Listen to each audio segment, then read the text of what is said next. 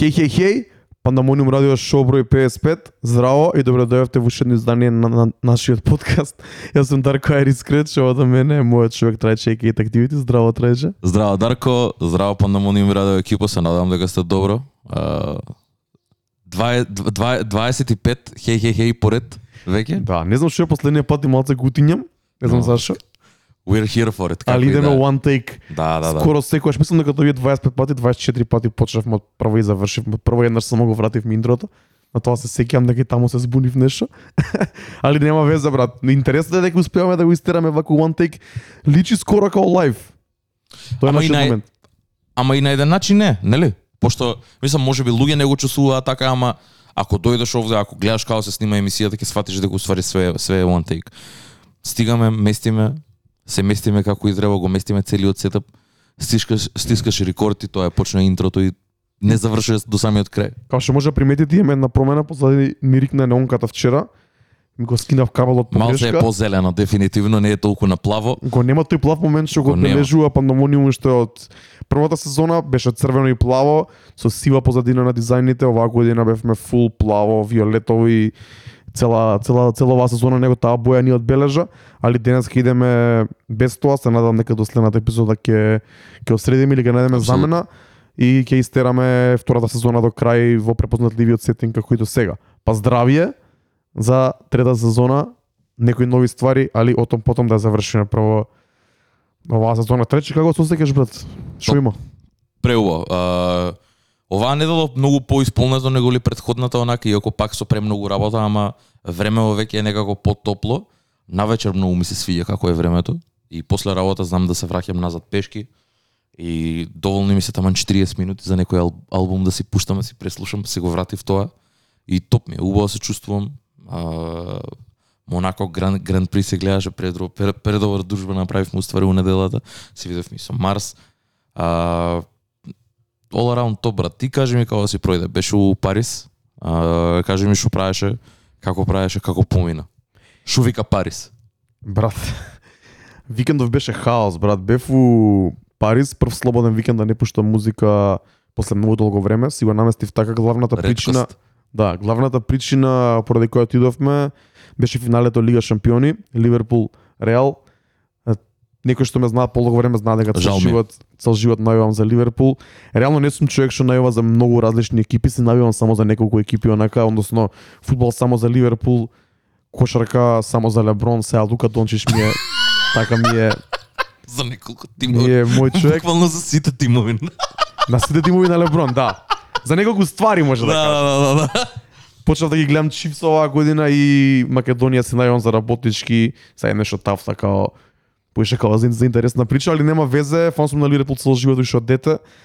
И заедно со брат ми, брат ми ме тераше да идеме на утакмица, да идеме на на финалето во Париз.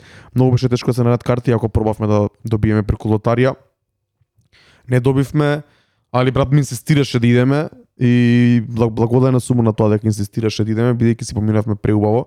Викендот бев во Париз малце кратко време, бев, бевме, бевме само две ноќи, од кои едната ног беше, едниот ден цел беше посветен на утакмицата. Не влегавме на стадион, бидејќи беше многу тешко да се добијат карти. Искрено имало многу големи проблеми околу стадионот, така да и може би подобро што не добивме карти и што не бевме дел од тие ситуации таму, бидејќи имало огромни пропусти од страна на полицијата и од страна на организацијата на самиот настан. Ние бевме бевме сместени сите навивачи на Ливерпул беа сместени во една фан зона на источната страна на градот, многу далеко од стадионот. Беше цел булевар затворен, онака имаше простор за некои можеби 70-80 луѓе. Буквално беше фестивалска атмосфера. Е, тие што пратат малце поише фудбал и што ги пратат Ливерпул знаат дека има еден лик кој се вика Джейми Вебстер, кој организира Boss Night, организира како концерт заедно со некои други луѓе, диџеи, други артисти, каде што буквално свират, свират песни, настапуваат. Тоа се случува најчесто пред утакмиците или пост утакмиците. И тоа се се револвира околу Ливерпул? Да, да, да, тоа е специјално за Ливерпул и уствари беше концертот Бос Бос Night беше преку ден. А, таму отидов уште дента, наставно траеше од 1 до 5 и пол 6, буквално беше како фестивал, брат. Огромен стејдж, неколку лет екрани огромни, од левата страна цел простор со шанкови, со food trucks, со такви работи, вециња, луѓе на сите страни, многу пиење, многу јадење, буквално као буквално се осеќав на фестивал, настапуваат во живо овие. И плюс од друга страна си, до, си сите луѓе таму што сте се доведени за една работа, а тоа е Ливерпул, брат. Да, и тоа е многу јако дека Можеш да гикаш со сите за Ливерпул колку сакаш толку, Па- без никој да те суди, дека Па си тоа е уствари, тоа е Да. уствари убавото, што имаше многу луѓе доени од Англија, од Ливерпул, имаше многу луѓе доени од цел свет што навиваат за Ливерпул, исто така и за Реал Мадрид. Апсолутно. Big up и до нив, се разбира, заслужена победа може да се каже без разлика на кој што како збори, тоа е тоа. Брат, спорт е на крајот на денот, ние се поминавме преубаво, целиот провод беше топ, се видовме со некои другари што се не се неам видено одамна. Навивачи на Ливерпул едниот живее во Канада, дори специјално за такмицата, се здруживме. На крајот на денот некој мора да победи, некој мора да изгуби. Тоа е Апсолутно. тоа. И јас сум задоволен од сезоната. Proud of my boys, we go again next year, како секогаш. Идеме следна сезона уште појако, али Париз беше едно преубаво искуство, брат. Фан зоната на вивањето, целата дружба цел ден, вечерта да ја гледавме таму утакмицата. За жал, не беше искорот да како што сакавме, али нема везе. Здрави живи. Се прибравме утре ден да се вративме. Исто така претходниот ден беше многу интересен, целосно исполнет ден. Прошетавме со брат ми на нас у населба, видовме некои многу интересни ствари. У населба бевме во една заедничка фан зона организирана од УЕФА кај што имаше и многу активности во центарот на Париз, каде што можеше да се види пехарот, имаше некои тука игри, официјален мерч шоп и слични ствари. А, прошетавме на Шанзелизе, а, триумфалната порта, оригиналната од Париз. си купив дрес, тоа ми беше многу јако дека конечно се најдов дрес Зашо не се појави со него? го за перење го фрлив сега. А, Double XL го купив бидејќи се многу чудни фитовите за за дресови, за тоа не сум ни нарачал Да. а, до се претходно на интернет бидејќи знам дека сигурно нема да ми биде точен како што сакам. Го најдов последниот дрес у Париз, мислам дека го земав од тој жолтиот од, од оваа сезона кој многу ми се свиеше. И онака исп, исп, испунет ден јадевме у Five Guys бургери, Мора. многу испунет ден, многу убав ден. Вечерта брат излеговме, шарот до мојот човек Старбој кој живее у Париз, кој ми кажа кај да излеземе, излеговме со брат ми и после тоа се појави Старбој со еден другар и две другарки. Имавме преак провод, излегов у еден брат ми се отиде дома бидејќи брат ми не е толку по по nightlife, ја морав да излезам Ах, у Париз, брат. Нормално. Бидејќи As you should. да, бидејќи во петокот PNL имаа концерт. PNL имаа концерт, Не ми последниот се верува зашо не отиде. Последниот концерт од нивната турнеја, брат. И зборевме со брат ми да идеме, се беше sold out, цела турнеја им беше sold out уште од 2019 година. Многу интересно дека и Ведран ги слуша PNL, брат, и за тој бев уште уште по загран да идеме, али и он имаше логика што кажа дека нема да имаме многу време да ги направиме другите ствари што сакавме да ги направиме, бидејќи концертот беше од 8. Рачунај, како и да е бевме кнап со време, Париз огромен град кој бил знае, кој не бил а, некој Треба да иде. Да, треба да иде, ама нека не очекува дека може да го прошета целиот за ден, два, три. Реално треба поише време да го абсорбираш самиот град бидејќи е Така. огромен. Тој првиот круг што е како што се рачуна како Париз, Париз како градот уствари, има толку многу ствари да се види буквално секој кјош е интересно, секој кјош е уникатно и сите тие споменици, битни ствари се раштркани наоколу, а превозот со метро е би рекол релативно спор, за разлика од некои други градови, не е толку конвиниент да се движиш така. И не отидовме. PNL се една група која Онака, синката прв пат кога ми ги пуштаат 2015 да се чудев што е ова, онака ич не ми се свигаше, со текот на времето ми легна и мислам дека има многу луѓе што од нашава генерација, од нашиот Исто и јас исто бев така. што ги слушате, што ги поштуваат Да, многу. Ако не ги знаете PNL, проверете ги. А, француски артисти кои се многу уникатни по својот саунд се појавија во, во тој бранд тамо неколку 2015 кога се појавија Се многу должни за за француската сцена да да стане на Ти си да, позапознаен да со- влезе да влезе на светска сцена онака да влезе на на голема врата пошто они реално и интернационално се познати брат. Не е само низ Франција и низ Европа како продолжија на секаде имаат многу успешни албуми. Едни од најпродаваните рап албуми ги имаат во Франција воопшто на сите Верувам, времења. да. Као они тоа што е RA, RA, RIAA, као на пример Platinum ова она, они имаат Diamond у Франција, брат, толку имаат продажи што што се еквивалентни на Diamond во во Америка, така да а, многу успешни, многу ми е онака а, Милоки ми беше ако си бил таму да го искусиш тоа. брат. Плюс нивен хоум корт е тоа за нив брат, Парис е брат, као 100% ќе биде предобро брат. Ти рачунај дека има продадено 4 арени во 4 4 дена еден по друг брат. На пример за за споредба, ја бев таму во истата арена на уикенд од 2017 еден датум. Брна Така. Бој, Ерен Датум. Овие имаат 4 sold out shows ден по ден од, Да. вторник до петок, не знам како тоа Hometown. Heroes, брат. Буквално, буквално. А интересно е за нив дека не се појавуваат толку често во јавноста, не се активни на социјални мрежи и онака на луѓето тоа има единствена шанса да ги видат и да видат нешто поише од нив, али нема веза, не отидовме и затоа си викам кога више не идеме на PNL, морам да иско- да да вечерва. Апсолутно. Уште еднаш ќе кажам шараут до мојот човек Starboy.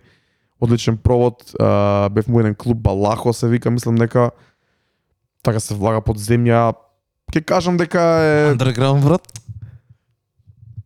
Ќе кажам дека не, не беше фенси, не беше ни underground, беше да речеме малце поевтина варијанта, а пак беше е, комерцијална варијанта. ама локален клуб, така го смисла као не е некој кај што би влегле туристи. Или? Може би не туристи, класични, али имаше например многу студенти кои предпоставувам дека се на на Еразмус или на некоја размена кои Така. живеат тука, странци кои живеат тука. Е, Цел, целиот Париз се из, из- измешан со луѓе од секаква позадина, има многу црнци, има многу араби, има многу луѓе од буквално цел свет, од Бразил, од од од секаде, од, од, од кај што може да замислите, од Балканот, од Русија, од сегде.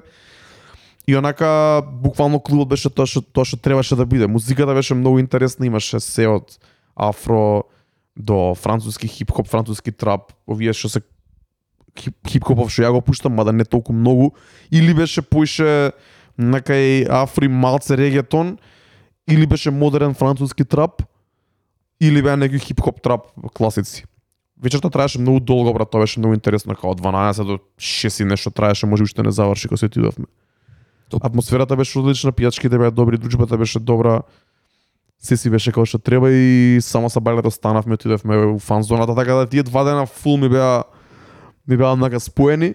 Одличен провод, шарал до цела а, Ливерпул екипа од Македонија која со која се најдовме таму, Иво Иво, Марко Боки, брат ми, Маноло кој го запознавме од Франција и сите други брат. Така да еден викенд за паметење морам да кажам и we go again next year. Апсолутно се надам. А, топ. Мило ми е дека, ете, единственото нешто фали што за да направи тоа full circle е PNL концертот, ама се надам за следен пат. Уште еден ден ни требаш или уште два. Да, Тоа што направивме сигурно. Тоа е. Се вративме овде. Одма организиравме, меѓу време се организираа други ствари. А, нашиот човек Секси Марса го вади на 6.6 го вади неговиот нов проект. Чекај, прво да кажем дека го извади, го извади спотот за Павлина. Го извади спотот за петокот, Павлина. така? Yes, sir. Конечно. Одличен спот. Дали имаш дрип Павлина? Имаш ли дрип Павлина? А, мислам дека Вашата омилена стрина.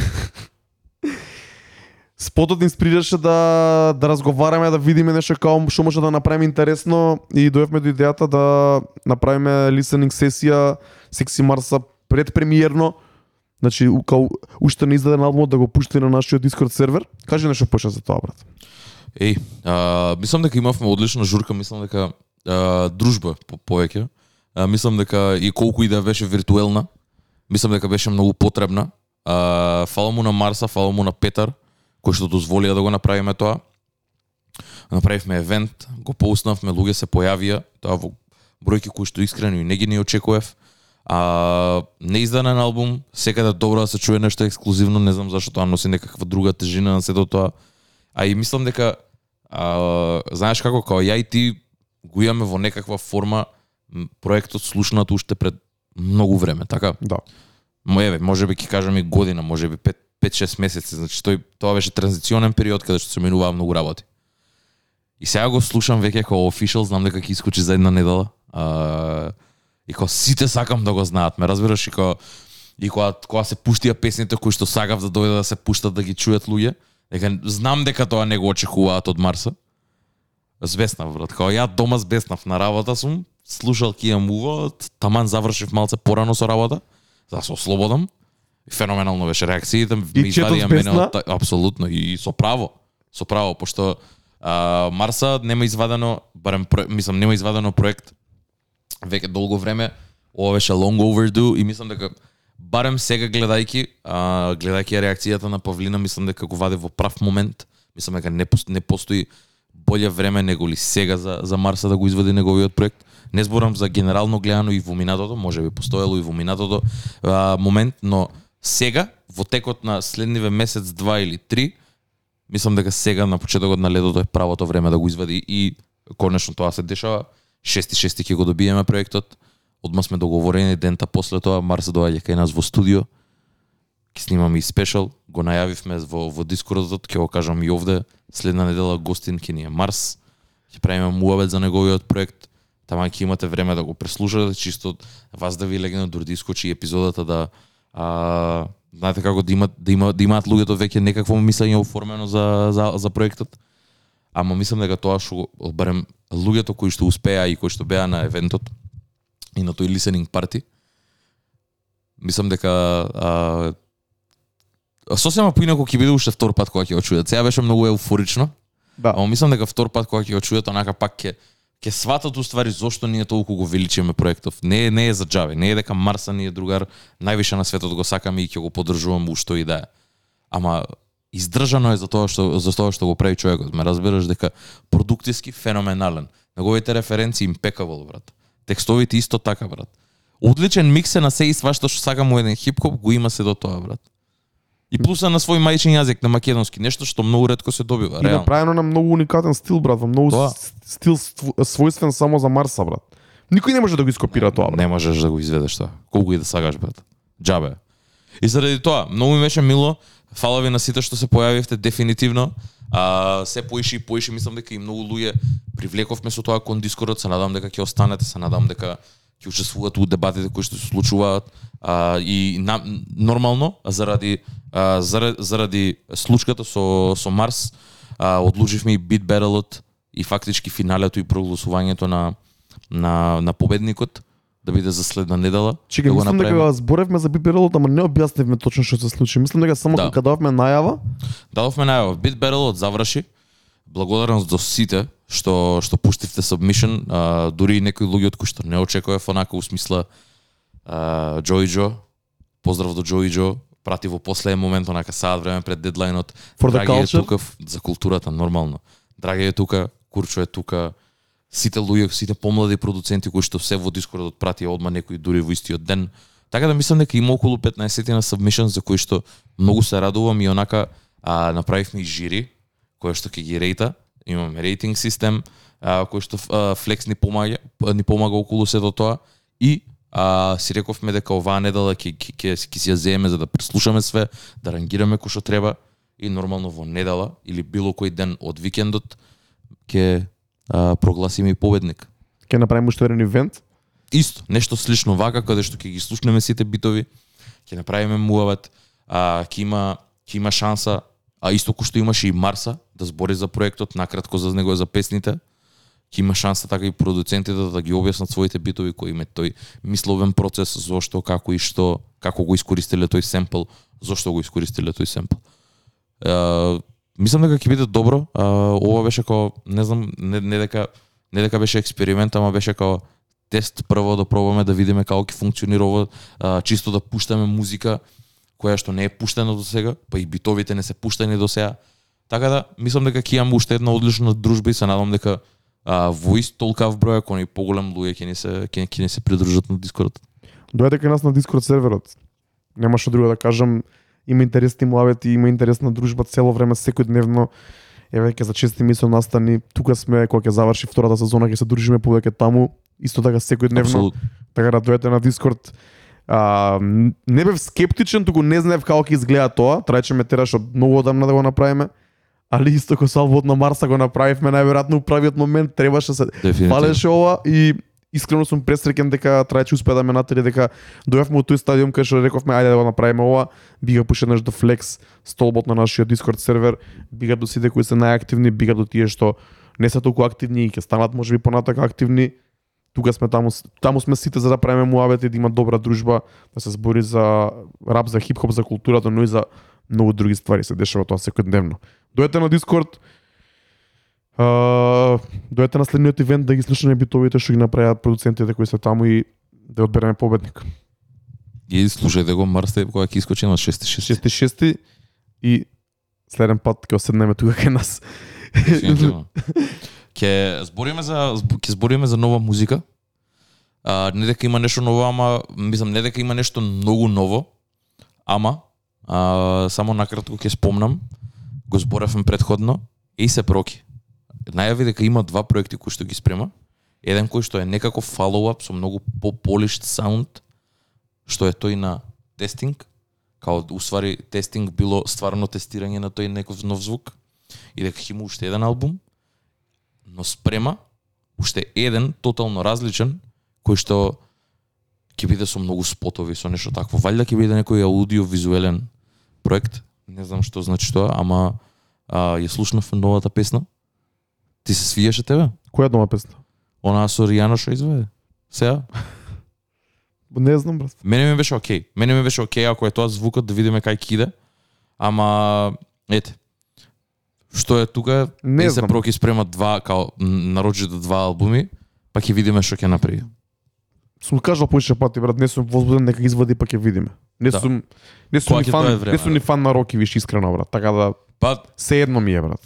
Зошто као смисла Ја, јас сум фан на Роки, ама на старите Роки ствари сега веќе нема ништо држи брат овде, као Тоа. се, може некад да пуштам става кози тейпс или ала било што, што и да е. Не знам дали ги пуштам, тие уште не се стигнати у, у, у фазата да бидат онако троубек. Слуша се таму некаде у некоја измеѓу фаза, измеѓу Да, у генерација. лимбо се, да. У лимбо. Да, нема ме, ми нема никаква возбуда тоа, брат. И кога што не бев задоволен од албумите кои излегува последниот месец два, не сум беше возбуден за неговиот, искрено, брат. Ќе видиме. А, проект кој што сагавме да го збориме е Мандела ефект У, да, Хилсон. точно. А Хилсон Мандела Кукус Тоест не знам веќе што се дешава, таму искрено не. да, да, да, да, да. Ама како и да е. а, Брат, не е ни една, една, една третина од Кукус, а, Хилсон Мандела нов албум. Мандела ефект. Мислам дека е долго очекуван албум, се збори одамна. се збори одамна, да. Ја ја него мисла усмисла како ја ја лично него не очекував, ама знам дека го имаше најавено, знам дека луѓе го очекуваа, знам дека луѓе го збореа и ми пиша, ми ми кажа дека го извади и викам ајде ќе го чуjem да видам што е. Ми изненади. Така? Ми изненади. Ќе кажеш ти прв, ќе кажеш што што што имаш да кажеш за албумов. Брат, а, за за рантаймот кој што е, Три- значи, ре, релативно краток албум, 30 минути 22 секунди трае на Spotify, 12 песни. 12 песни се, да. А, нема нема филери, у смисла као нема нема интро, нема нема интерлуд што можеби и онака ми фали искрено на моменти. Знаејќи го ауторото какво е, не ми фали аутро, Точно. пошто мене ми е тоа феноменално аутро, као многу добро ми завршува албумот, на многу висока нота и онака ме остава да сакам уште. Тоа ми е добро. Од друга страна, има моменти каде што ми е дури и прекраток. Као многу на брзина ми завршуваат песните, сакам да продолжи, сакам уште еден врс, сакам уште еден, уште еден рефрен. Ама го нема тоа и си викам, «М, зошто? Тоа мислам дека е така дека Ама стварно е намерно тајт. е, Песните да, се тајт, да, песните се дефинитивно. топ, песните онака од прва до последна секунда не те оставаат да здивнеш. Значи мора да ја пратиш ситуацијата. Нема некој одолговлекување на работите, него Да, да, се си онака почнува рефрен, верс, рефрен, ако има гостување, онака Така. цело време е цело време у, у, у четврта пета брзина. Да, да, да, да, да. Албумот. Уште од самиот почеток не те пушта брат, као веќе во втора трага ти ја раста. А првата трака е трепни и умро кај што кажува многу интересни ствари. Тоа и го зборевме. Дека тработ не е мртов, дека тие го почнале уште од самите време и баш и на Дискорд имаше дискусија за од Суриел, па почна со па продолжи со Кукус и нивните почетоци. А, они се едни од основ онака од тие што го Основоположници. основоположници на на таа трап музика овде на Балканов. Се слагам брат. И оправдано е дека трапот не е мртов, дека они го одржаваат. Знам дека имаат и други ствари. А, знам дека имаат ствари за јужни ветер што ги прави. Ова е сосема поразлично, ова не е такво. Ова е правата смисла на зборот трап албум. Мене тоа ми се свија, брат. Ова е тоа што ми треба брат, буквално Да. целиот саунд. Как, Епа, како изгледа? Не, како... не, не, не, не е тој филм на а, каде што почнаа да се да се лигават да да прават поише песни со таков комерцијален апил. О, ова е апло онака трап албум, ова се вика чекај ја да, да се вратам на тоа што за кое што луѓето сериозно ме сакаа мене. За, за, на, за стилот и видот на музика која што ја правев за луѓе да ми станат мои фанови пред се. Ама и мислам дека Хилсон во ова е во своето во својот лейн брат. Да, ова да, прави да, ова. in its bag, да, да, да, In дефинитивно. Знаеш како? А, комфортен е у ова што го прави? се гледа тоа се се со харизматичен е премногу. Например, можам да повлечам паралела помеѓу Секси Марси и Хилсон, не ги споредувам. Влечам паралела каде што во тоа што го прави Хилсон е многу интересен, многу смешен, многу не дека смешно изгледа, туку начинот на кој што тоа го прави е многу позитивно онака. Истото и за Марса, брат. Не можеш да не се насмееш ако слушаш Марса песна. Истото и овде, брат. Има на моменти онака те фаќа као некој смешан лайн или нешто ќе каже, Да. ќе те насмее, брат. Као само онака овде ќе ти се појави вака тука до шеска ќе се насмееш и ништо поиш. И тоа е многу добро. Тоа е многу добра карактеристика да се има една песна која ќе има таков ефект. И на пример можам да повлечам таа паралела и да кажам дека во тоа што го прават двајцата посебно, а прават различна музика реално. А, ми се многу слични меѓу себе кај каде што се такви уири, интересни се текстовите и не и се толку лоши кога ќе ги кога ќе земеш да ги да ги прочиташ пошто ствареве кои што ги зборат или се кажани онака полу или се кажани иронично или користат референци кои што звучат можеби глупо ама Имаат смисла. Имаат смисла, као Точно. на, на крај стигаат до, до поентата која што сака да ја постигнат. Така да all in all мене ми се свигаше, а, само едни, единствена критика ми е тоа дека има на неколку моменти каде што сакам да продолжи песната, а завршува.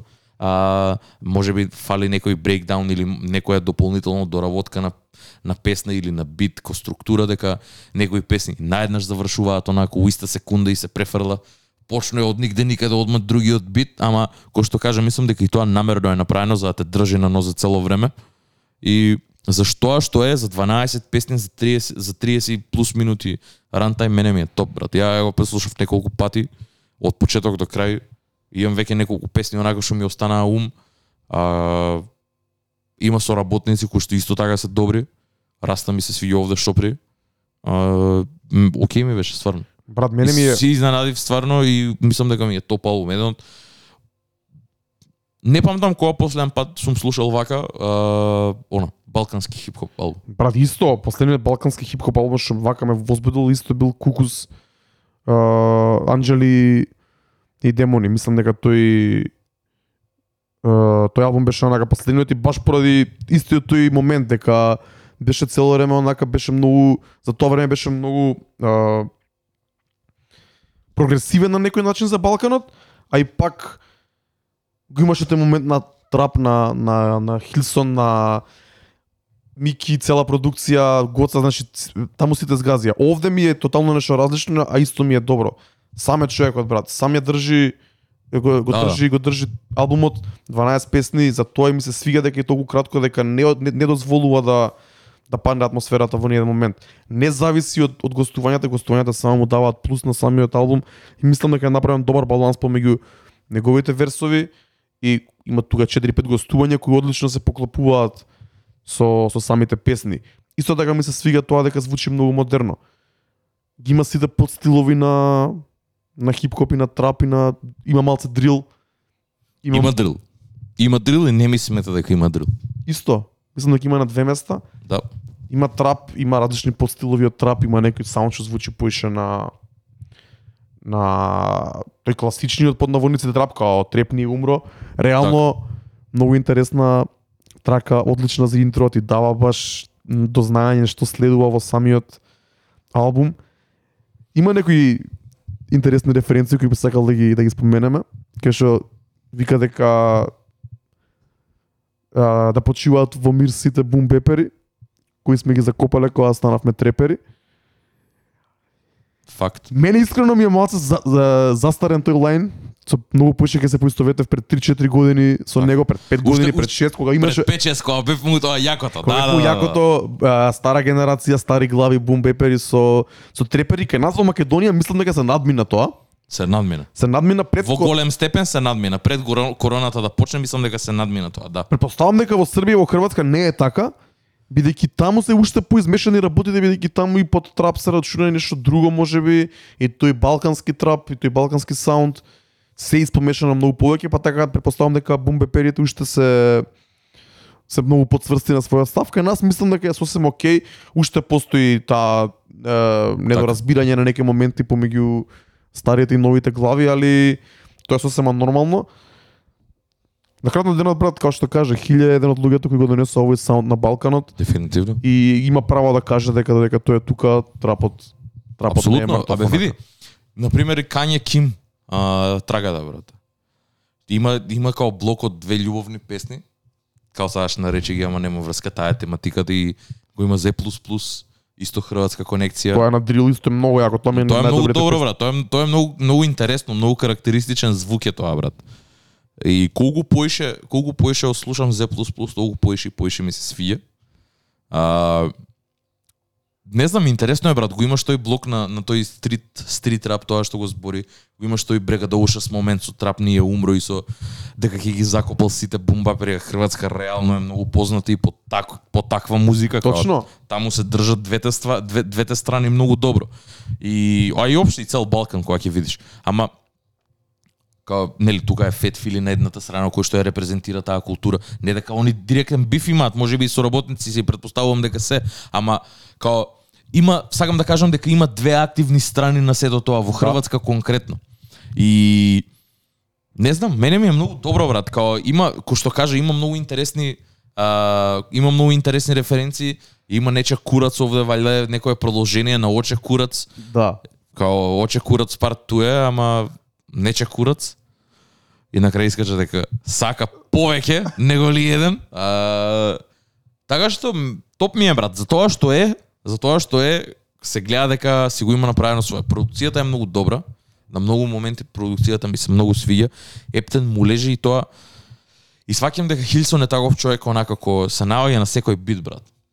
Тоа многу ми се свиѓа дека као каква и да е продукцијата, кога ќе го чуеш знаеш дека е Хилсон. Да. Не може да е некој друг. Да. Го прави многу да биде свој име на тоа ми се свиѓа. Така да, all in all, еден од, поред, еден од редките албуми кои што ги имам онака кои што имам уживано да ги слушам последниве неколку неколку години. А, еден последните вака што ги памтам беше на Суриел кога го дознав 2017 2018 2016-2017, не знам никога, Марса ми го кажа онака.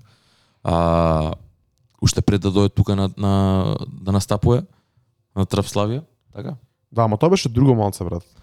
Ама Тој негов албум беше што немаше ни врска ни со трап на некој начин. Тој Не, беше не, не, нема чил, чил хип-хоп. Тоа е, да, апсолутно, ама као само да кажам за балкански хип-хоп, ја, кој човек кој што не слуша толку многу, балкански хип-хоп, тек сега почна онака малце по малци, мислам, тек сега. Последниве две-три години кај што пробувам да си ја тргнам таа предрасуда моја дека е де- дека е гасарско, дека е вакво, дека е онакво, да видам да му давам шанса за тоа што е. Еден од поредките за кои што имам уживано и тоа ми тоа ми значи мене лично многу тоа ми значи. Брат, одличен Така да it's a win in, in my book, дефинитивно. 100% и, и во мојата книга исто така. Big up до до Хилсон. Одличен албум, мило ми е дека извади албум, треба да е пример за наши артисти. Вака се прави тоа, одличен кавер, одличен ролаут. Буквално човекот сам си го си го вози филмот и си го извади албумот и албумот звучи топ. Гостувањето се топ, сите звучат добро, брат. Раста звучи одлично на песната. Раста доаѓа во светот на Хилсон Јап. и го прават ова, сваѓаш. Гршене ни го знам, оче курац двојката, а, има тука Мбапе, има Сурбе, има Кање Ким, буквално како што викаш ти има еден блок од две-три, од две љубовни песни кон крајот, јако почнува многу јако, има многу добро и многу добро аутро. Мене искрено најголем хит од првиот слушање ми е Још ову ноќ со Z++. Мекларен ми се свиѓа, Лова ми се свиѓа, Цура с кварта ми се свиѓа, малце по комерцијална таква попиш Да. песна, ама брат, добар поп, модерен да, поп, па- онака Бед да. Бани стил на поп, онака. Не е Ама- нешто ле, не е нешто лем, не е нешто чизи. Дури и он се се бава Ама и не е ни проблем да е чизи брат, го гледаш Хилсон брат, сваќаш дека Па не- знае да извади таква ствар брат, као му одговара и некад нешто да биде чизи брат. Оно тоа дојде брат, дури и кога дури и стварите со синката што ги прави онака суп Real Slav си све тоа као имаше момент на чизинес околу тоа брат. Исто и Rockstar сите тие ствари, као он има позадина зошто може тоа да го направи, разбира зошто тоа него би му функционирал. Мене тоа ми се свиѓа. Ја морам да кажам брат, враг на виолини ми е омилена аутрото на самиот Аутрото, да. на, на самиот мене ми е омилена брат. Дека има таму Трага- него бит свич кон крајот, така. Кон крајот ненормален бит свиш, многу ми се свиѓаше брат. Ме фати неспремно, топ. Да, да се вратив ја и на некои предходни ствари се вратив на онаа песна на шнитање, се вратив на Анджели Бомбони, се вратив и на некои предходни микстепи баш пред некое време ги слушав оние со шира родбина. одлични проекти ме подсеќаат на времето која а, со Trap the Fuck Up заедно а, мотивирани од синката, синката се знаеше со нив уште од предходно уште пред да снимаат. Отидовме во Загреб цела кола, една кола, цела екипа да се запознаеме таму со нив и тие неколку проекти уште тоа е 2016, 2017 брат. Така. Звуча многу модерно и многу светски за, за своето време. И мило ми е дека го имаме хиле тука и се надевам дека тука во овој во овој саунд, во овој лейн, во својот in, in his bag и мислам дека се надевам дека ќе има се повеќе и повеќе вакви албуми, вакви проекти и од Балканот и од Македонија се разбира, од Македонија не требаат многу поише, бидејќи на светската на светската сцена гледаме дека трапот полека замира, тука уште вирее и да се искористи бар да се да добиеме добри трап проекти додека трае бранот брат. Ја бар така гледам. Апсолутно. Така да го чекам и проектот на Марса, чекам и други проекти. Дайте ни музика за слушање. Албумот е достапен на Spotify сегде. Буквално еден ролаутерен албум, као што треба да биде од почеток до крај. Ја немам забелешка би рекол. Апсолутно. А имаше некој спот за, за албумов нешто пред тоа? Ќе ти излажам, брат. Искрено не знам, немам проверено. А, Може би најчесто, најчесто, пошто знаеш како ја, као сите можни артисти што ги следам, тоа што што ги знам, ги следам на Spotify. И као ако искочи нешто одма ми стига алерт и знам дека имаат извадено нешто ново.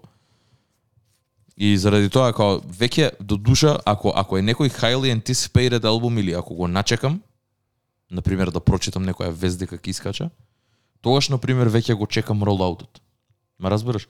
Овде не овде на пример повеќе од доволно ми и само тоа што го видов на мојот фид дека е нов албум од Хилсон и да да стиснам плей. Ама топе за тоа што е многу добар албум, многу солиден проект и многу ми се свиѓа дека искочи вака. Проверете го uh, Mandela ефект од Хилсон Мандела, Spotify, сите да стриминг сервиси, YouTube се разбира. Тие што не го знаете, хилја од Кукус, една третина убаво кажа трајче, проверете го албумот, од нас има сосема солидна оцена и Big Up до Хилсон уште еднаш. Дефинитивно. On to the next one, трајче. Апсолутно. А, ова е, знаеш што, се, се смеев дека а, збориме со Дарко Некни, а, као зашо да се збори и правиме план, као правиме онака листа на, на работи кои што треба да се зборат овде, чисто за да имаме на ум, зашто да кажеме, инаку најчесто фристайламе како сега. А, знаеме што следи и само збориме тоа што ќе ни дое, немаме спремено некоја скрипта унапред. А, ќе збориме за еден нов албум, кој што има многу интересна прича позади. Зашо зашо е така? А, знам дека Кире го поусна пред некое време во Дискордот, а, и мене ми искочи на фид во тој момент го слушав онака, Кире го поусна и викаме и топ има некој што го слуша албумов. Албумов е L.E. Дала, од L.E. Дала, self-titled, но и смешно е дека L.E. Дала е артист кој што потекнува од таа Bay Area, а, го има тој звук на Currency, го има тој звук на на на на Larry June, на сите тие, на, на таа екипа, ама он е еден од раперите кои што живее со тој проблем каде што никој не му го знае името како му се изговара. Пошто е Л е долар сайн и сите го викаа Лес, L и Money, Лес, брат, ја така, Е, па, така ми тоа, тоа да кажам. да, и као извади албум кој што се века Ел и Дала, само за да каже на сите луѓе дека неговото име се изговара Ел и Дала, а не е Лес. И инаку Ле- Ел и Дала е артист кој што онака го знам од поодамна уште кога почнав да, да, да навлагам у тие води, кога пред да стигнам до Лери Джун истражував други ствари.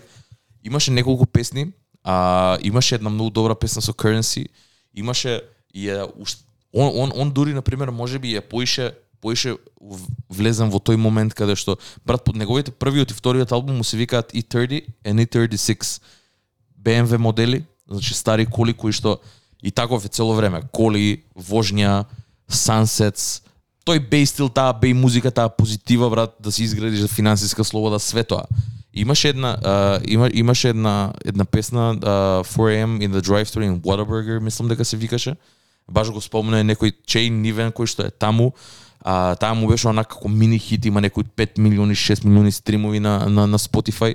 И уште од тогаш ми фати уво онака и продукциски и све. И албумов кога го извади, викам, ајде да видам, го слушав последниот. Uh, E36 го слушав 2020 кога искочи и си викам, окей, нов албум, ајде да видиме, а инаку е активен константно вади фичерс. го пуштам интрото е баш тоа, uh, као почне некоја девојка да му збори и, и она му вика Ел и Дала и тоест Ел и Мани и тука почне да објасни као зашо го направи албумов така споукен интро е, почне да збори дека единствената причина зашо албумов постои а, постои заради тоа да им објасни на, на сите негови фанови и на сите луѓе кои што го слушаат воопште и кои што знаат за неговото постоење, како се изговара неговото име. Буквално албумот е заради тоа и а, почна многу добро, битовите се многу добри, многу интересна продукција, многу лесна продукција пред се. И знаеш на албум кој што си го пушташ за пешки движење, за точак движење или за вожња? Таков брат. Летен, ја го пуштив прв пат не знам, го пуштив у средата, се враќав пешки на кај дому 12 на полноги брат, од кај брат ми од Маджари го пуштив таман до дома. Извини, од Мичурин. Го... од Мичурин до до вако 30 минути топ. Не живее брат ми у Маđари, живее у Мичурин. Не знам зашо ја правам, секаде ја правам таа грешка брат. Ај не си од Кара одиш у Маđари брат. А, инаку албумов е само 10 траки, има 30 минути рантайм, као секоја трака у просек по 3 минути, што е многу добро нешто, што е многу слично на пример на Хилсон, Точно. рантаймот, а, само дури две траки помалце, само се малце подолги, 3-3,5 минути, имаат брейкдаунс, имаат интро, неката остане намерно инструменталот, пошто е таков поише е мелодичен за да за, за да те вози и, и самиот инструментал. Нема никакви features, no features, сам, сам е на целиот албум, ама многу е добар и ја има истата таа тематика кој што има Larry June, кој што има Currency, а, збори многу за коли, збори за живот, збори за буквално онака за за убавината која што има таа бејерија од кај што тој потекнува, за кои се тие потешкоти кои што ги минувал финансиска слобода све тоа. All in all, позитивен албум, сакав да го спомнам дека интересно е дека и Кире го, го, го прати, а од друга страна е а, на пример тоа тој момент каде што артистот толку многу исп, и на еден начин е испровоциран и инспириран да направи албум каде што ќе го отвори албумот со тоа да објаснува на сите како а веќе е естаблиран е, е естаблиран артист за, за луѓето кои што го слушаат, ме разбираш?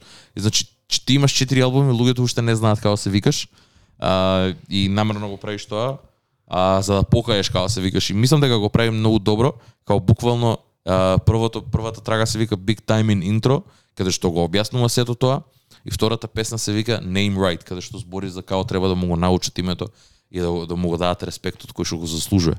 А, мене умилена песна од овде ми е а, Lex and Foreigns. Мислам дека мислам дека најдобрата трака на албумот, ама као Sunday Night и интро и аутрото The Right Home каде што завршува тоа фактички и самиот албум го прави тоа да биде на вожња брат.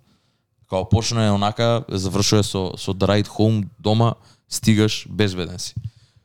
Многу ми се свигаше. Лесен албум за слушање, таков е летен е, за преку ден феноменален е онака за да се го пуштиш, што и да правиш, мислам дека ќе ти се најде. Ќе го проверам. За упознавање мислам дека ќе ти се најде ептен.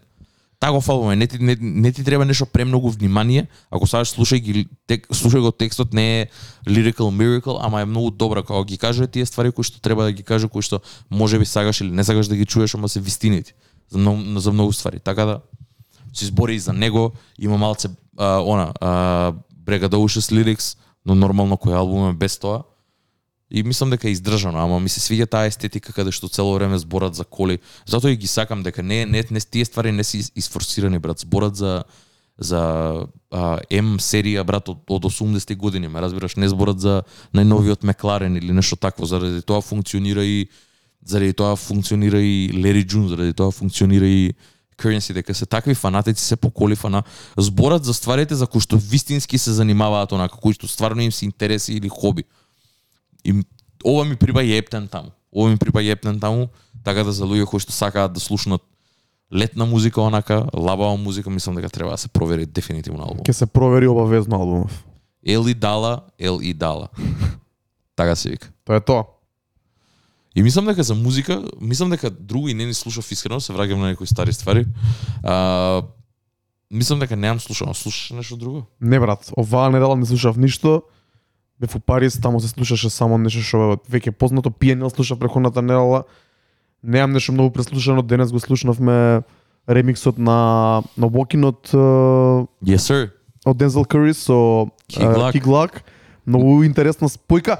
А видов кај Дензел Curry на Инстаграм имаше ставено ние жолтите коли брат на на Luck, ама не знаев за што станува збор пред неколку денови. Ме, мене брат не ми беше јасно. Искрено не ми беше јасно, немам појма, ама многу добар мув брат. Мене искрено оригиналната верзија поише ми се свига неголи не- неголи ремиксот, ама функционира и ремиксот брат. Да, као ми се свиѓа кик глак на ова брат. Дека битов не е ни не е као окей да има трап, има прекашенс, има све тоа, сите сите одлики ги има, ама не е трап бит, не е нешто кое што ќе го слушнеш само битов и ќе речеш знаеш кој ќе е добар на трага, кик глок Да. а уствари добро функционира. Топ ми е, брат. Мене ми се свиѓа тоа, ми се свиѓа тој момент на Дензел Curry што прави бренчинг аут за да се поврза со други артисти, да, да може да се измешаат нивните фан бази, бидејќи сигурно постојат и заеднички фанови, луѓе кои што го слушаат и Дензел, луѓе кои што го слушаат Киглок. Има такви конкретно и на Дискордов. Да. Така да мислам дека е топ спој. Искрено мене ми изненади Сабајле, Сабајле преди ден исто го пуштив. Денес искочи уствари. Као у денот на снимањето Сабајле го искочи у 6 саат. Сабајле, ја веќе веќе бев буден кај 8. Прво отварање да видам што има ново од музика и гледам гледам Denzel Curry featuring. Не- Нереално. What the fuck? Да, што се дешава, морам да го пуштам ово. Го слушав два-три пати и му го пратив на Дарко и го мора да го чуеш. Брат, ти кажав иако зборевме за делукс изданието на а, дека човекот многу напреднува, како го слушам, ми се повеќе и повеќе ми се свига. Има има напредок во своите лирики, во своите во своето деливери, Така и општо во темите кои ги кои Така ги и обработува треба, и брат. ова ми е баш добар мув и ми се свига, брат. Ми се свига. Ја не го ретам толку многу албумот на Denzel Curry, ама ова можеби ќе ми ја направи песната да ми биде послушлива. кој што кажа, овде, ов- овде ти дава и простор да не бидеш да си искочиш надвор од твоето брат овде, твоите фанови ќе ти простат на еден начин, ако си поише лирикал, ако си поише све тоа, ако пробаш нешто друго да направиш, пошто си на Denzel Curry албум брат, каде што има лирики, каде што текстовите тежат нешто, така? И може на пример Кик Глок искрено не се ни фокусирав толку многу на текстот, као не не е дека е нешто вау, ама пак као функционира нешто и можеш на пример да си даеш ако ти ако Дензел Кери ти даеш шанса на негов албум зашо да не напишеш текст појак Да пробаш да влезеш ви- у неговиот свет. да и тоа е многу добро затоа ти велам многу добар потеки за двајцата а, и мило ми е што што се дешаваат такви не е ни кросовер на еден начин, ама пак ќе речем ќе, го- ќе го наречам како кросовер. Во 2022 веќе е, брат. Да. Колку се одвоени сите Па сабжанрови После, на... посебно Дензел Кери каде, и каде, замина со неговиот албум последен, да. Да. Интересно, брат, интересно. Многу а, не добиваме некоја многу луда музика со оглед на тоа кој дел од годината е. Немаме некој бенгер, искрено нема Не, некој не бенгер. Па не се сеќавам. Јас во моментов го си го реорганизирам се радото и се спремам за летната сезона, за фестивалска сезона, за летни клубови. А, се има цело лето многу долго лето ќе биде ова со настапи со се. Го реорганизирам и не, нема нешто што ми влегува што е свежо што не беше таму веќе во април да речеме, во Да, да. во март. Не, не. Немаме уште ги, немаме уште тие летни бенгери. И Не ќе пам- видам дали ќе ги имаме, брат. Ќе видам што ќе се случи дека еве 1 јуни дое, брат. Наближува фестивалска сезона, наближуваат настани. Тоа е почнато више, брат. Добро. На некој начин да многу брзо дое летото. Не сме ба, не сме баш почнати. Не, ја, ја, не, ја, не, сум- ја не сум ни спремен за лето, брат. Епа, Ама свесен сум дека е почнато, ме разбираш? Дека веќе ме многу, да. многу, многу топло Да. е најднаш, иначе ова е баш таков некој природен период и многу ми е чудно дека нема таква музика, брат, ама ќе видиме ќе видиме што ќе излезе дека ни треба нова музика, ни треба нова музика да пуштаме летово. Ни треба. Апсолутно. Ни требаат нови синглови, ни требаат нови бенгери. Не мора да се многу. 5-6 песни ќе дојат многу добро во мојот сет кога да го освежат, ама да бидат постојано во ротација, да не се некои песни што А, еднаш може да влезе, еднаш нема да, да ми се пушта, еднаш Кој ќе биде артистот што ќе направи таква песна? Дрейк, нема кој друг. Дрейк Кој, не вади ништо до не следна знам, брат. година, бе, брат. Не знам брат, па не знам, не знам кој би можел да го направи тоа. Ја Дрейк не го гледам да вади нови ствари до следна година, брат. Па не знам брат. Едино единствен човек што има извадено што знаеш дека има извадено само дека има извадено бенгер секоја година до сега е Дрейк. Не знам. Се надам дека има некој друг, ама Не знам брат, треба тропам глупости. Видов дека Lil Baby и Крис Браун брат. Ама знам дека Крис Браун ќе извади сега нов исто проект. Ама као очекуваш нешто они да направат? Не брат. Ја Не. искрено не посебно не Крис Браун брат, посебно не у 2022. Као не знам артист кој што би можел да направи знам што бараш, знам какви хитови, знам какви каква музика, каков сингл бараш брат. Не знам кој артист може да го направи, кој кој, кој артист може да го достави тоа. Не не не на пример Знаеш како, не, не у таков момент да да треба ти да го правиш хит. Да има потен... Не, не, не. Само по себе да стане хит. Тоа е тоа. На готово да ти дојде тебе, само усаратово да, да го ставиш и да го пуштиш, брат. Тоа е тоа. Да не ти треба време да се форсираш за да го за да го на еден начин ти туркаш брат за да ги научиш луѓето за да за, за да ја поштуваат песната. Ни не знам кој артист може да го направи тоа искрено брат. Посебно не о, сега летово не знам. Као може би ќе се појави некој хит, нешто на Брнабо или нешто такво, ама пак се уште не се до тој степен кај нас стигнати брат. Тоа сакав да кажам дека најверојатно ќе ја буткаме работата поише натаму, ќе пробам да ја туркам летово колку што можам, ќе видиме како ќе биде прифатено од луѓето.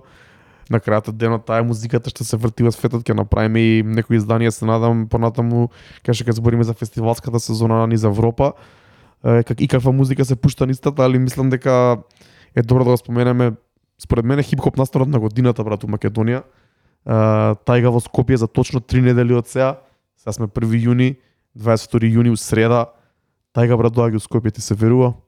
Вчера го објави он официјално на својата на својата страна, ја објави цела турнеја од Лас Вегас директно лета у Скопје. Онака нереално брат и после тоа патува низ Ер Србија. Преку Белград. и после тоа онака патува низ цела Европа и на моменти се враќа и во е, Јужна, и Средна и Северна Америка. Многу многу откачено брат. Ја искрено едва чекам. Уште не сме ни свесни кој доаѓа. Мислам дека тај е еден артист кој више зборевме неколку пати, ама сега малце однака да ми дадеш твоја перспектива. Како се секаш за тајга брат? Која е неговата величина на некој начин? Дека не знам дали се луѓе освесни колку големо и битно име доаѓа за хип-хопот последниве 10 плюс години, 12-13 би рекол. Види, ако збориме за тајга што е во 2022, значењето е многу помало него ли тоа што беше кога ние почнавме да слушаме оваа музика, пошто ако се навратиме на ствариве, затоа ја и ти сме малце поразни, затоа го доживувам. Мене ми е јако брат, ја шо, шо кидам тајга да го гледам уживо брат. Пошто која се менува стварите и која кога тоа збориме таа тие години преодни 2010-2011 кога се појави еден тон артисти кои што правеа многу различни ствари, тајга беше on the да come up и веќе имаше неколку бенгери позади него, имаше веќе неколку микстейпови кои што беа многу добри. Пошто неговата микстейп игра беше исто така легендарна. Ќе збориме за тоа. луѓе не знаат за тоа, ама ќе збориме. И веќе имаше хитови. Човекот ја почна таа DJ Masters продукција, брат. Така? Он го стартна тоа, брат. На почетокот Лекс Луѓер битовите, исто така он ги популаризираше со неколку песни, брат. Со неколку ремикси се. Со неколку ремикси, апсолутно. И као многу е битен за културата за тоа што го за тоа тогаш што го има направено, бидејќи факт е као не се сеќавам Trap the Fuck Up журка во тој момент во 2014-2015 да прошла без мали или што е, као имаше многу хитови уште тоа време, брат. Брат, Целата таа продукција, целиот тој стил, брат, многу, многу од нив, многу од песните и дури и, и ствари ко Кидинг и све тоа што следуваше после тоа, тоа све е онака некоја бледа копија на на на Тајга, брат. Реално. Брат, мене кај ми беше јак момент дека он беше еден од првите артисти што екшели можев да ги пуштам во нормални хип-хоп вечери бидејќи музиката не му беше толку беше многу понова и многу посвежа од тоа што го пуштавме ние тогаш. Ама пак он беше еден од првите артисти кои стана комерцијално познати во Европа и во Македонија и еден од првите артисти чии песни сум ги пуштал секоја вечер константно во моите сетови биле нешто ново и било нешто свежо. Пред се тука мислам на Rex City, ама и многу други после тоа. Брат, има премногу бе, брат. Онаа тракана со со Рик Рос, брат, што е ремиксот на на Twins, брат, на Deep Cover, бе, Да. брат. Тоа имам ставено на микстейп. 187, Deep Cover. Deep Cover, брат. Faded со Young Thug. Хука, устари хука, хука со Young Thug, Faded, Switch Lanes. Switch Lanes. А, Мали ја спомна, брат милионима. Ја направив една плейлиста брат као за Дума и денс, бе, брат, се најде на... Дума и денс, брат, најлудата прича, брат. Луѓе Урадовиш се уште нај, најсакана трака од тајга име Дума и денс, пошто Дарко ја има стајано на некој микстеј, брат, кај што има заглавено некој CD, брат, у, у истите два кафичи и се врти CD-то ден денес уште, брат, и можеш да седиш легит на кафе у Escape и да пиеш, брат, не, не знам што сакаш пи, брат, и Дума и денс да ти се појави од нигде никаде, брат. И е предобро. И уште е едно од најсаканите траки, брат. И мене, на пример, Two Chainz, брат, у тој момент исто. Two Chainz ми, Two Chainz ми истото, брат, тајга што го имаше ист, истата некоја вакво. И тоа што се споја, брат. И тоа беше микстейп кат, брат. Тоа беше на микстейп, брат. Да. Заборев искрено како се викаат микстейп. Голем дел од тие микстейпс На тајга не се ни веќе не се ни на стриминг платформи, туку треба да идеш на дат да ги симнеш. Да. А, пошто многу голем дел, брат, он имаше предобра ремикс игра, брат. Он он он правеше многу страшни ремикси на ствари, брат. Он ја го зема, ја, ја, ја зема формулата на Lil Wayne на оние dedication миксовите, ка- ми- микстейпите кај што зимаше а, популарни инструментали и правеше И боле песни од самите апсолутно. од самите оригинали и мислам дека и тајга ја зема таа игра и ја правеше многу добро бидејќи тој период излагаше многу музика. А тајга правеше ги правеше стварите многу боле од, од сите други во периодот од 2011 до 2013-14 брат. Апсолутно. Онака- Брат, ти велам сите тие му се деца брат. Све тоа после што искочи брат на на на DJ Mustard битови, сите тие се негови деца брат.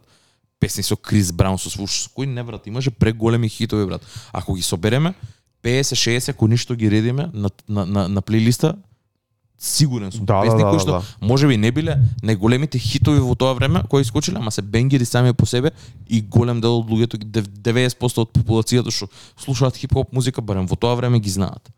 Да, брат, дефинитивно. Многу интересно дека јас конкретно за тајга пишував еден текст кој може да го споделиме а, после емисијава.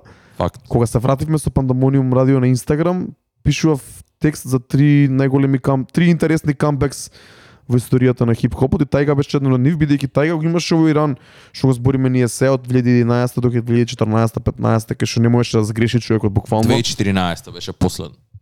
бенгери, бенгери, само само тие 3-4 години има направено на што 30, 40, 50 бенгери. И до ден денес тие се пуштаат и во Македонија и на секаде ни светот.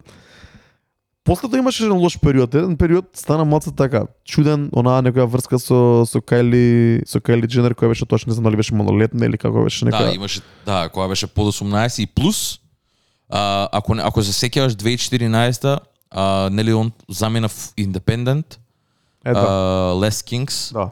и извади еден албум кој што беше кој што беше и многу луѓе не знаат дека тајга има а, албум кој што е целосно продуциран од Kanye West. Uh, executive produced by Kanye и мислам дека тоа го заеба многу.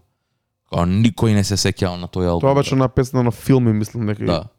И као го забораја сите брат тој момент, му се десија стварите што му се десија со Кайли, имаше многу некои такви ствари, Се сврта играта се против него, онака. Против него, да, као отиде у оној вилан на, на хип-хоп музиката наместо тој херој што беше. Ама, кој што кажа, еден од најдобрите камбекс, брат. Ја најде формулата, ја проби играта, брат, почна сам да прави ствари. И као... И Камбек- остана ин- индепендент. Значи, он продолжи да биде индепендент после тоа. И тоа го прави уште 10 пати боле дека успеал да се врати после толку и толку да се врати толку многу добро, кај што ја не памтам да има он изваден албум после тоа. Ама сингловите ги знам сите. сингловите ги пуштаме ние до до ден денес, брат. Он се врати со песната Taste, еден инструментал со Yes, многу специфичен семпл. Ту ту ту. Да, не помнам од каде, ама го знам. Значи тоа беше формулата таа песна сама по себе од инструменталот, он како ја вози со работка со офсет таму, онака еден од најголемите бенгери во последниве 5-6 години, клубски бенгери. И се врати и мислам дека остана таму. И мислам дека се уште е тука, се уште е тој што прави онака комерцијални бенгери на моменти и можеби корни ремикси, али кај него функционира. Го направи оној Кај него ремиксот- функционира тие, не можеш да му се лутиш, брат, као Джабе му се лутиш, тоа е тајга, брат. Као Макарена ремикс извади, брат. Ама само он ја може го направи тоа, брат. Никаде ја немам слушано да брат, ама никој друг не може тоа да го направи, брат. Точно. Никој, на никој друг нема да му биде простено, брат, освен на Тајга, ме разбираш? Тајга геца пес дека е Тајга, брат, дека неговата кариера е заснована на тоа, брат. Направење ствари кои што мислиш дека нема да функционираат и функционираат перфектно за него. И тоа е топ, тоа го прави него да биде тоа што е, брат. Затоа сакам да идам да го гледам, брат.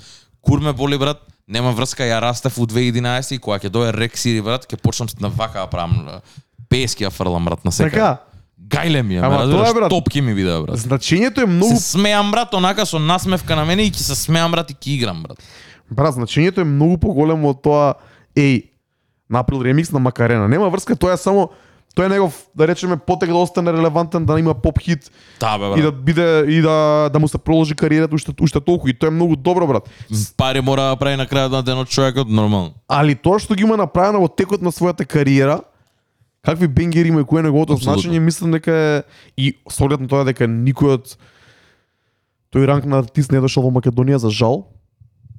Тоа друго. Последен артист од толку голем толку висок ранг бил 50 Cent 2009 2010-2009, да. Поминати се 13 години од тогаш, брат. Премно. Значи, значи не сме да се пропушти тајга у Скопје.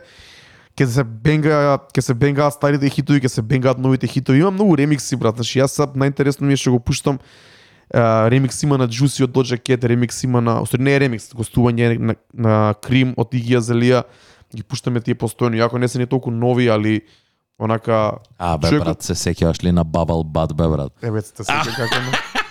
Абе, прелуден ликов, бе, брат, видиш што све има правено, бе, брат. А никој не може да ми каже, брат, зашо не би сакал за една валидна причина за тајга да не идеш, брат. И слушај, и слушајте му е дискографијата уназад, брат. Као има премногу онака, се смееш само, чисто за, за добар провод, брат. Брат, има бенгер, значи гостува на Локо. Контиго со DJ Snake и J Balvin. Мега хит, брат. Ова ќе биде Rundown Memory Lane, бе, брат, за нас, што ти е тебе, брат. Да, да, да, да, да, да, да. Освен навраќаме у 2010-2011 у Стоби Дарко кога пушташе на, на петоци, брат. Така, тоа е Не време. знаат, не знаат луѓето, бе, брат, не знаат луѓето. Многу интересно е дека има и вој вој албум еден од најдобрите брат. А, заедно со Крис Браун заеднички албум имаат. Fan of a Fan, ди албум. Fan, 2015 е ова. Не знам тука дали беше кој период беше дали пред да Ова е после. Ова беше мал камбек со AO со оние, малце Да. пак влезе у спотлајтот. Лојал ако не се лажаме тука и онака има тоа време што кажа ти многу убаво го, го, го срочи тоа брат. Он го направи релевантен мастер, ја направи релевантен релевантна мастер продукцијата. Им диже мастер као продуцент, еден од Брат, он ми ја дае формулата на сите после него, брат. Точно. И ми ја дае формулата, брат. Еве, дечки, вага се прави, земете mastered bit. Mastered битот е направен за 20 минути. Еве ви, еве ви ја формула. Ама стварно е така, mastered си го има кажано сам тоа, брат. Четири елементи има во цел бит, брат. Као толку е. Толку е, ама работава е дека тој го има развиено грувот, брат, тоа е формула, брат. И он само има пробиено, брат, и има научено, брат. А кажи ми еден, кажи, кажи ми колку ги има Кидинг, бе, брат. Кидинг сега не постои три песни тоаш. Тоаш, брат, Кидинг, у тоа време, со истата формула што имаше Тајга, имаше страшни хитови, брат. Моли мол, бе, брат. моли мол, да. Моли мол, брат, му е джапна цела продукција, дури и на DJ Master, бе, брат. Не се ни трудеше на Master пари да му плати за битови, а Апла му ја украде целата, це- целата продукција, брат. Да, многу луѓе мислат дека Лојал е продуцирано од Мастата, уствали не. Не. Ствари, моли мол. Као до тој степен, ме разбираш дека затоа затоа велам дека тие моменти тие моменти ја и ти можеме да гикаме за за ова колку сакаме. Многу луѓе нема да се поврзаат, ама се надевам дека ќе не сватат зошто го зошто го збориме ова, ме разбираш? Ја не велам да ме разберат, ама нека ме сватат. Дека ние кога растевме Playboy карти не постоеше, брат, постоеше тајга. Ме разбираш, како тоа беше не, не си ни можел друго да добиеш, ама тоа било највозбудливото, брат. Ама брат беше Ама факт е, бе, брат, беше возбудливо било. Па да, бе, брат, топ беше. Никој не може да ми каже, брат, дека Уиз Калифа и, и Тајга, за тоа што били у 2010, у 2009 и у 2011, не се, не, не, не се а, а, се полоши него ли тоа што е сега Playboy карти за мали, бе, брат. Као, не, не, истото е, брат. За вас ви менува сега музика, нас Тајга не го сврта светот тоаш, брат. Реално. Тоа е. Ни даде нова продукција, ни даде нова... Брат, никој не слушаше 90-ки у тоа време, брат. 90 до 95 такви брзи 100 двојки, 100 ки... Збориме за BPM, за брзина на, на, на, на бит, така да, beats per minute. Ама као, предобро беше, брат. Switch lanes, брат. Switch Lanes, Бенге Ripple. До ден денес знам да си ја пуштам. да, бе, брат, дефинитивно, што ти е. Не, не, кога правевме тајга спешал од EP, се навратив на на сите песни кои ги има брат, буквално можеш да тераш два сати сет само со По ништо. само со тајга песни и ремикси. Мене тоа што ми е многу голем плюс кај тајга е тоа што има голема кариера, долга кариера, огромна дискографија, али ги опфаќа онака сите елементи на еден хип-хоп артист кој има јака кариера. Значи албуми као што треба. Некои добри, некои помалце добри. Тоа е тоа. Синглови, бенгери, колку сакаш, тоа му е најака страна. Микстейп материјал, Да. Ја поише се сеќам, ја поише се сеќам на микстейповите негови него ли на самите албуми. Искрено не се сеќам на едно име на албум, освен The Last King, бидејќи знам дека тој беше тој пропаднатиот албум. Ама микстейп ранот му беше него страшен. И многу ремикси. Многу ремикси. Тоа е една формула што може би а, слична ко може би ко Френч Монтана, може би ко Дрейк на моменти, али онака човекот се закачува и на тоа што е вирално, и на тоа што е ко- комерцијално од хип-хоп светот и на тоа што е комерцијално од поп светот. Ремикси со Мистер Изи, ремикси со е, артисти од Латинска Америка, регетон, хаус, буквално се. Човекот го има на секаде и секаде си го остава својот својот шмек што е многу добро на крајот на денот брат. Дефинитивно, брат. Дефинитивно, затоа ти велам. А, 27 беше? 22 јуни, 22. среда, точно 3 недели од сега. Топ. Пуштаме ние пред него. Чи тоа Ја е исто така мега, мега момент, брат. ќе биде добро, ќе настапува Young Daddy, ќе биде одлично. Доете, не се пропушта ова. Не е дека соработуваме ние со нив, не е дека ќе настапуваме таму. Ваков настан, Не, искуство, е, брат.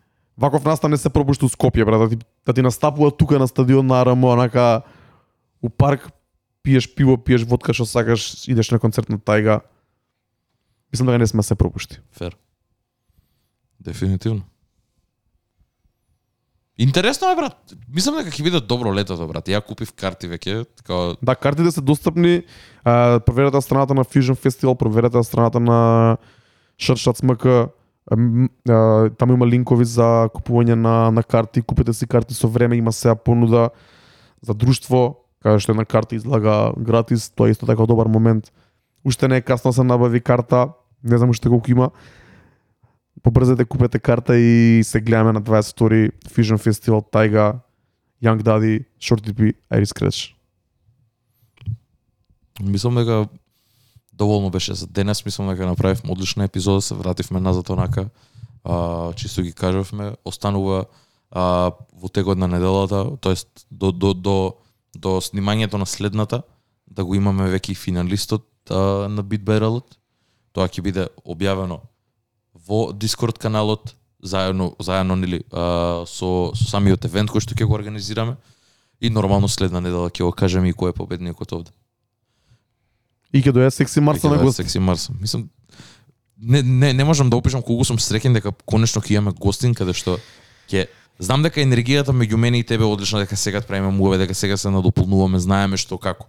Си имам изврезирано така кој што ме топ. Преубаво ми е. Конечно и тоа Марса е брат. Марса знае да ти измести од од од од столче онака дека е таков флик, таква му е енергијата без разлика колку и да сме навикнати на него, секад секад ми онака као си викам добро, има уште од човеков, као има уште што да понуди нешто што го немам видено.